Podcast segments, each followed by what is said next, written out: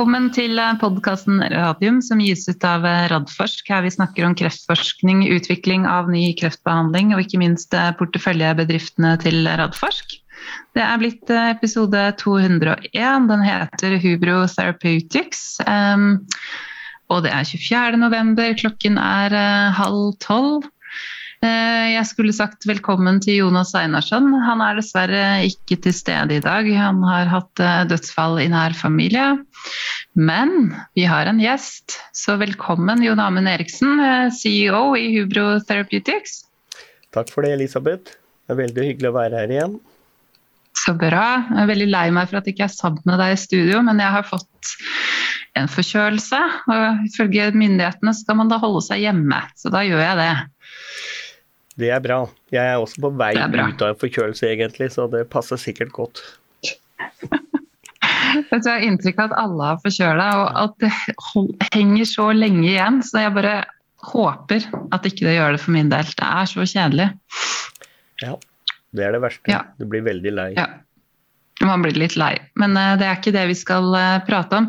Du, vi skal eh, høre masse spennende nytt fra deg veldig snart, Jon Amund, om, om, Hubro. Vi må bare ta med oss nyheten til Vaxibody som kom i går. Sikkert mange som har fått med seg den. Ehm, men de, da, de skifter da navn til ny kode Therapeutics. Jeg leste at at det, er vel den riktige måten å si navnet på på norsk, i hvert fall. Fordi de har vært opptatt av den ny, ny kode, rett og slett. Um, det, det, er kanskje ikke det viktigste, dette navnebyttet. Den aller viktigste er jo denne dealen de har gjort med amerikanske biotek-selskapet Regeneron Eh, da en potensiell eh, verdi på den avtalen til 8,3 milliarder kroner. Eh, avtalen dekker fem forskningsprogrammer innen både kreft og infeksjonssykdommer. Liksom helt nye forskningsprogrammer. Jeg synes det var veldig gøy å se i går at dette ble slått stort opp i norsk media. Både Dagens Næringsliv, E24, Finansavisen hadde fine artikler om, om denne avtalen. Um, som da kommer ja, litt over 13 måneder siden forrige avtale med Roche Genentech, som hadde en potensiell verdi på 6,7 milliarder. Så uh, vi må virkelig si um, at Vaxibody er i støtet, og må si gratulerer til Anders Tuv, som er da investeringsdirektør i Radforsk, som jeg vet har jobba med dette her og som også er styreleder i Vaxibody, og Mikael Lensig og, og Agnete Fredriksen. Det er uh, utrolig sterkt uh, jobbet. Jeg vet ikke om du har en sånn umiddelbar kommentar, uh, Jon Amund? Nei, ja, for så vidt. Kommentaren Jeg følger deg helt i det du sier, Elisabeth. Det er jo helt, i norske forhold, helt vanvittig fantastisk bra gjort.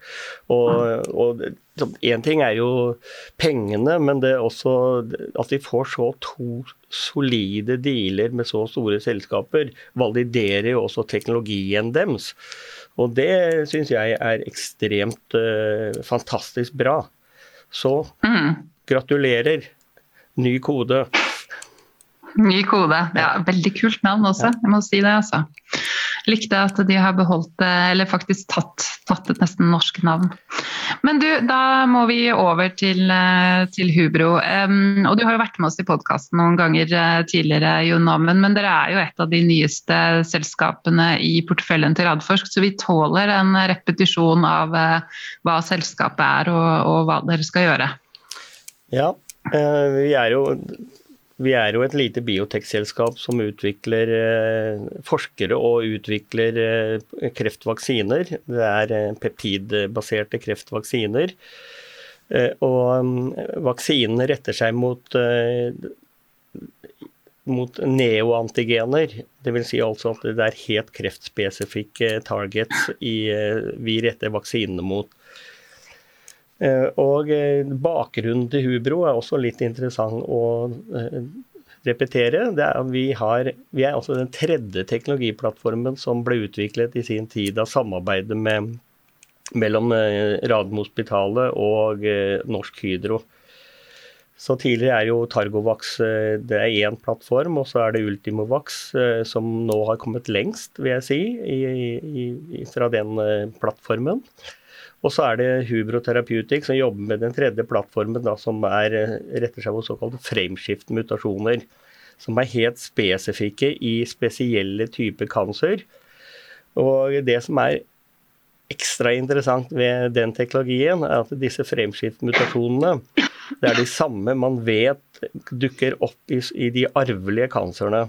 Det betyr at hvis man kan klare å monitorere de som er i høyrisikogrupper for å få kanser, som f.eks. Lynch syndrom, for disse mutasjonene, så har man også en mulighet for å gå inn veldig tidlig, kanskje også i profylaktisk setting, ved å bruke disse vaksinene. Så det, det, lange løpet for Hubro er jo nettopp å gjøre det skiftet fra først utvikle terapeutiske vaksiner, og så se hvordan det kan omsettes til eh, profylaktiske, altså beskyttende eh, vaksiner.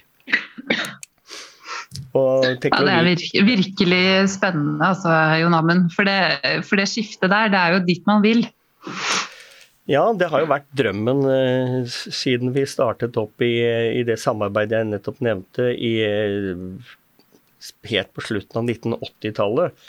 Så har man jo hele tiden sett eh, den muligheten, og, og nå nærmer det seg. Og de kandidatene vi har, vaksinekandidatene Hubro jobber med, er kanskje de, de som er best egnet til å komme ut i et eh, profylaktisk utviklingsløp. Mm. Så bra. Eh, hvor er dere hen i, i, løpet nå? For jeg vet at dere har gjort mye preklinisk eh, forskning, men man må jo ta det inn i, i, mennesker på et tidspunkt. Er det sånn at det er rett eh, rundt hjørnet? Det er veldig rett rundt hjørnet.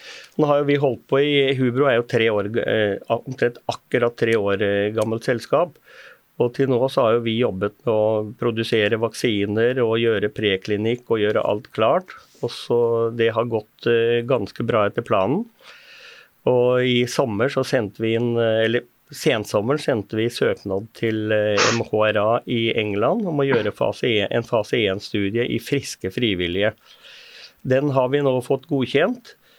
Så det betyr at nå er vi helt inne i de siste ukene med forberedelse for å sette i gang fase 1-studien vår. Så pga. jula så tror vi det regner med at den blir satt i gang i januar og ikke i desember. Mm. For vi vil helst ikke ha problemer med avvikling av juleferie og sånn, så det kan ødelegge hele studien. Så det, ja, så det vil vi unngå. Mm. Men da popper det opp to spørsmål i hodet mitt. For det første dette med friske frivillige. og Du kan ta det først. Også det andre spørsmålet mitt er um, Eh, altså England, som flere andre land, er jo veldig påvirket av pandemien. og Hvordan tenker dere at det, studien vil bli påvirket av det? Men ta det første først, med de friske frivillige. Ja, Nei, Vi har jo hatt den strategien hele tiden. at vi at vi vil gjøre en fase 1-studie med alle vaksinekandidatene våre i friske frivillige, nettopp for å kunne kartlegge det immunologiske potensialet, altså det immunsvaret på vaksineringen. Eh, og ved å gå inn i friske frivillige, så kan vi gjøre det ganske raskt. Og disse har jo også et oppegående immunsystem. Vi forventer kanskje at responser blir mindre i eh, kreftpasienter, i hvert fall de veldig syke.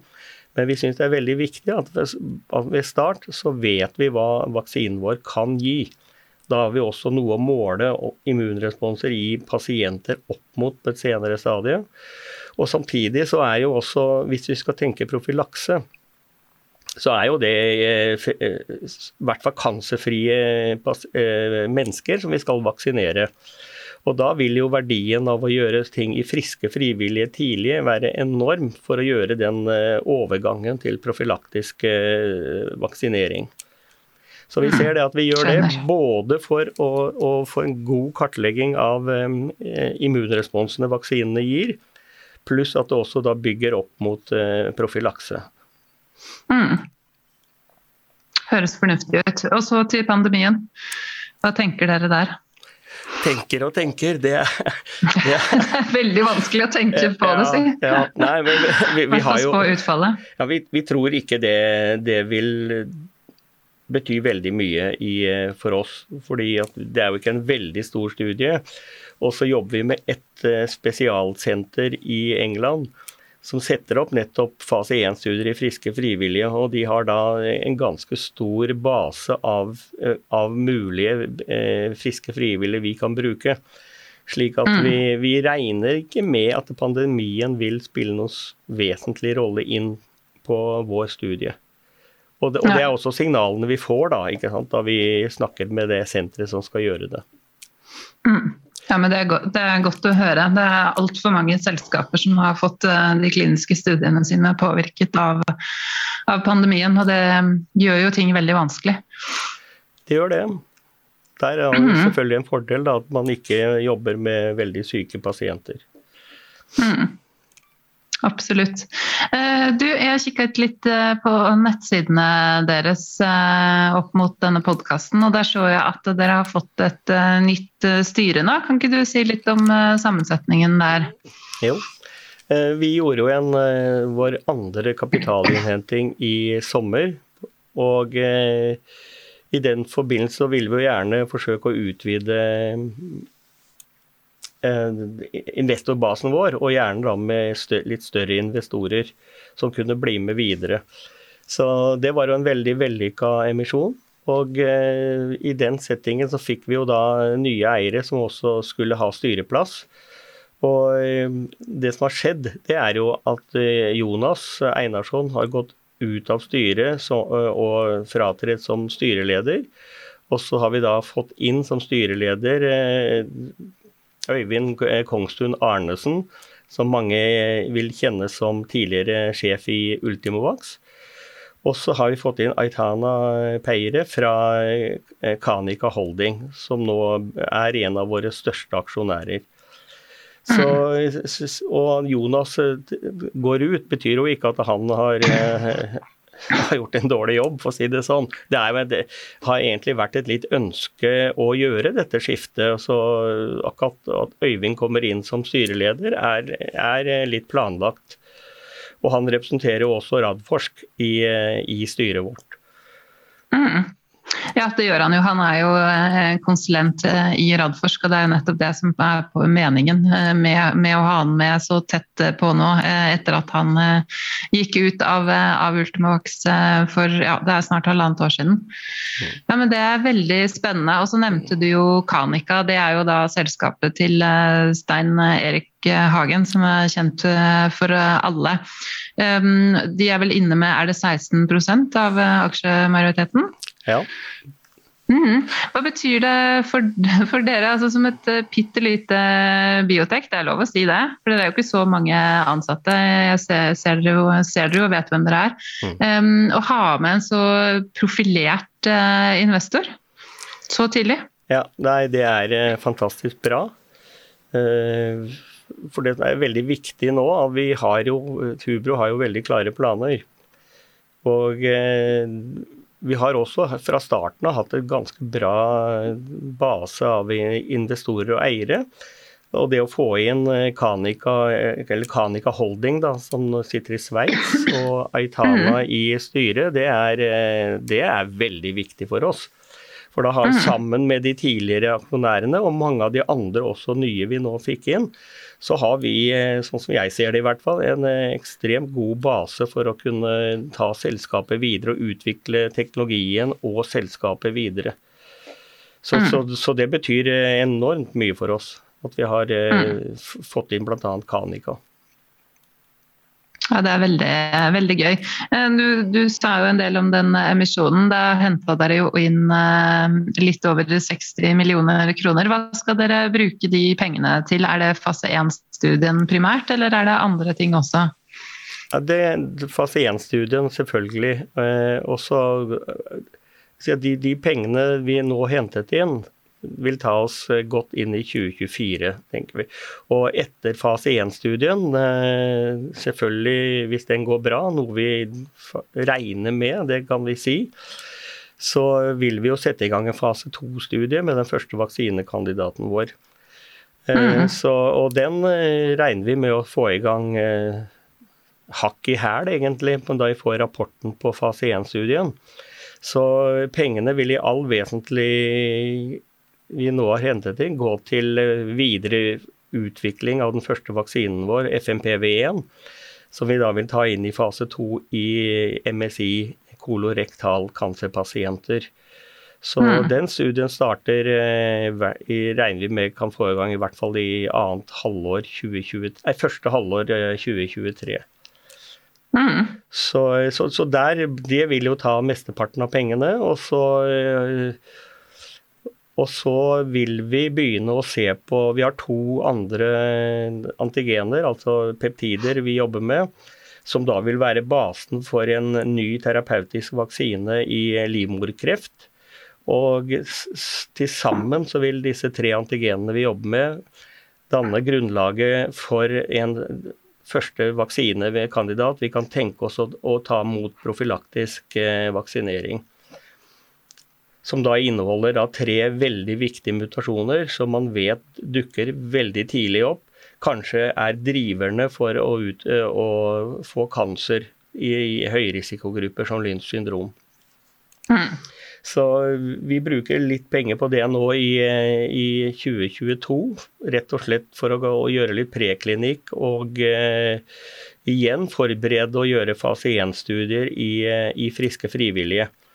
Der vi mm. kan, vil studere enkeltvaksinene og også kombinasjonen. Slik at vi kan eh, virkelig validere hva skal jeg si, kalle det, sammensetningen av vaksinen mm. vi kan sette inn i, i, i profylakse. For da vi snakker om blanding av peptider i vaksine, så er det ikke helt eh, rett frem å gjøre det.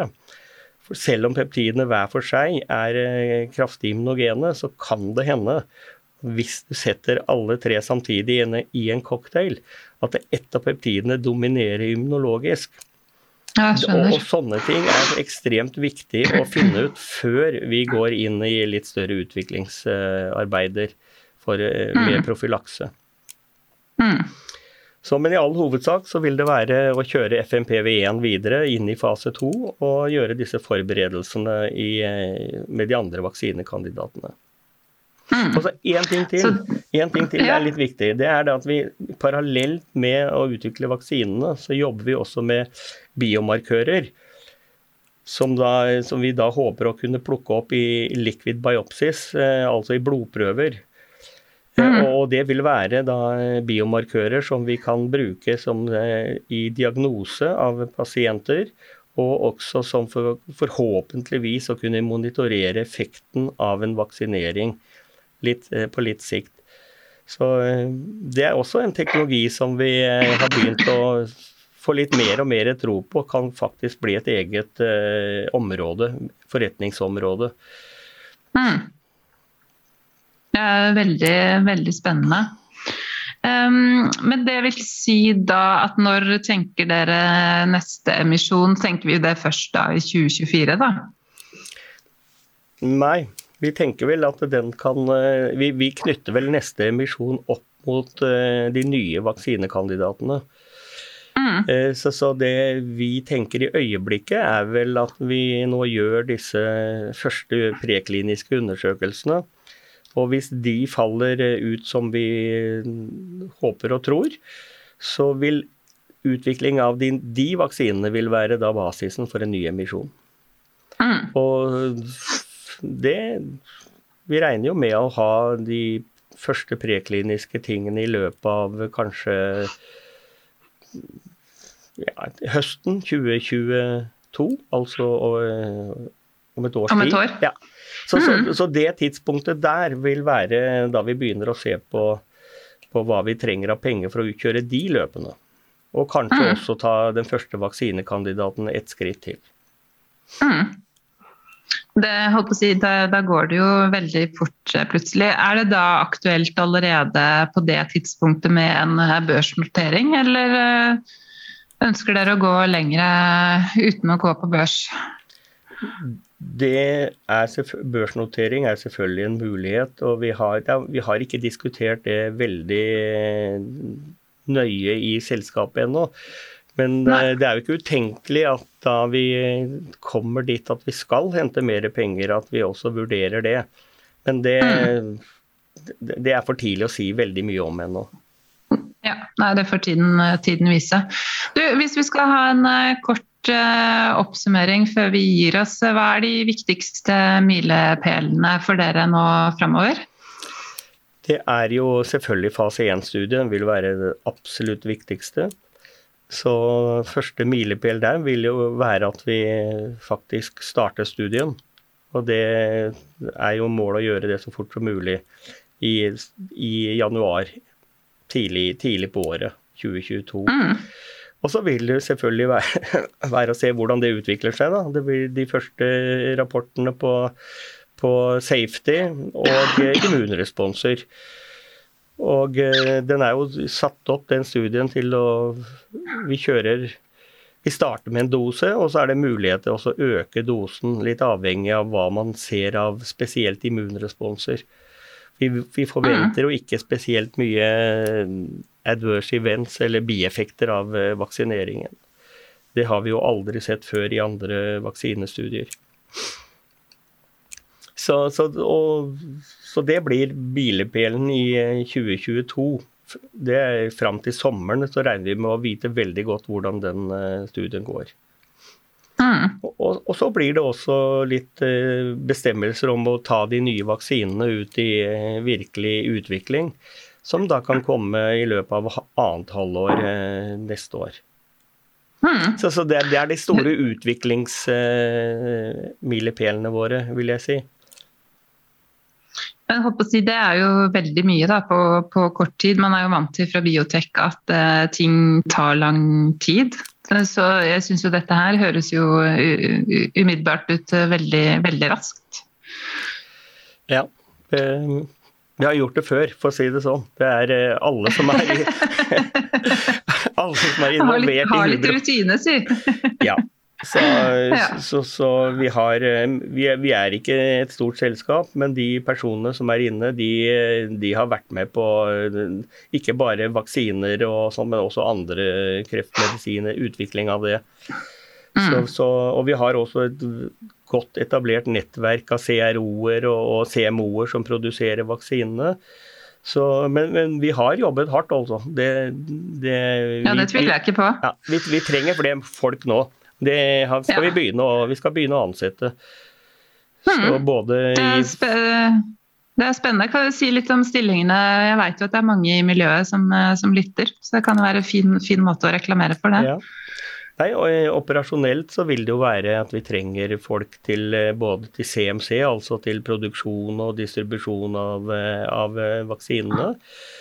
Også for det er jo produkter i utvikling, så det er ikke bare å bestille. Så, så mer personell i CMC det trenger vi. Og så vil vi selvfølgelig også trenge folk på klinisk til å begynne altså Fase 1-studien den håndterer vi greit. Et senter som er spesialisert.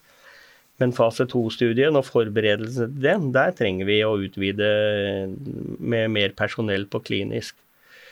Og så gjør vi jo en del på laben selv.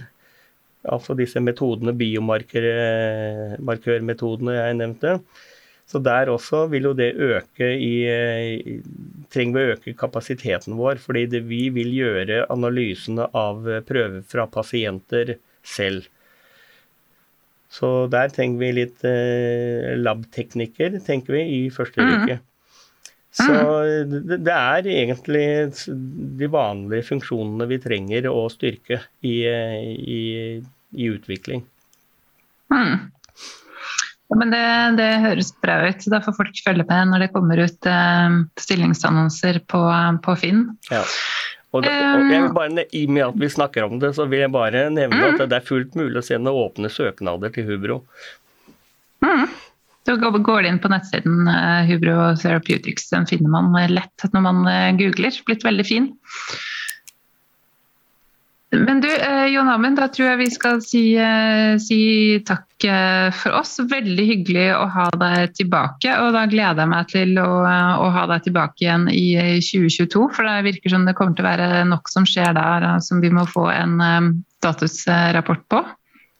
Ja, vi ser frem til det. Kanskje om et års tid, eller over sommerferien, tenker jeg vi kan ha litt nytt å fortelle. Mm.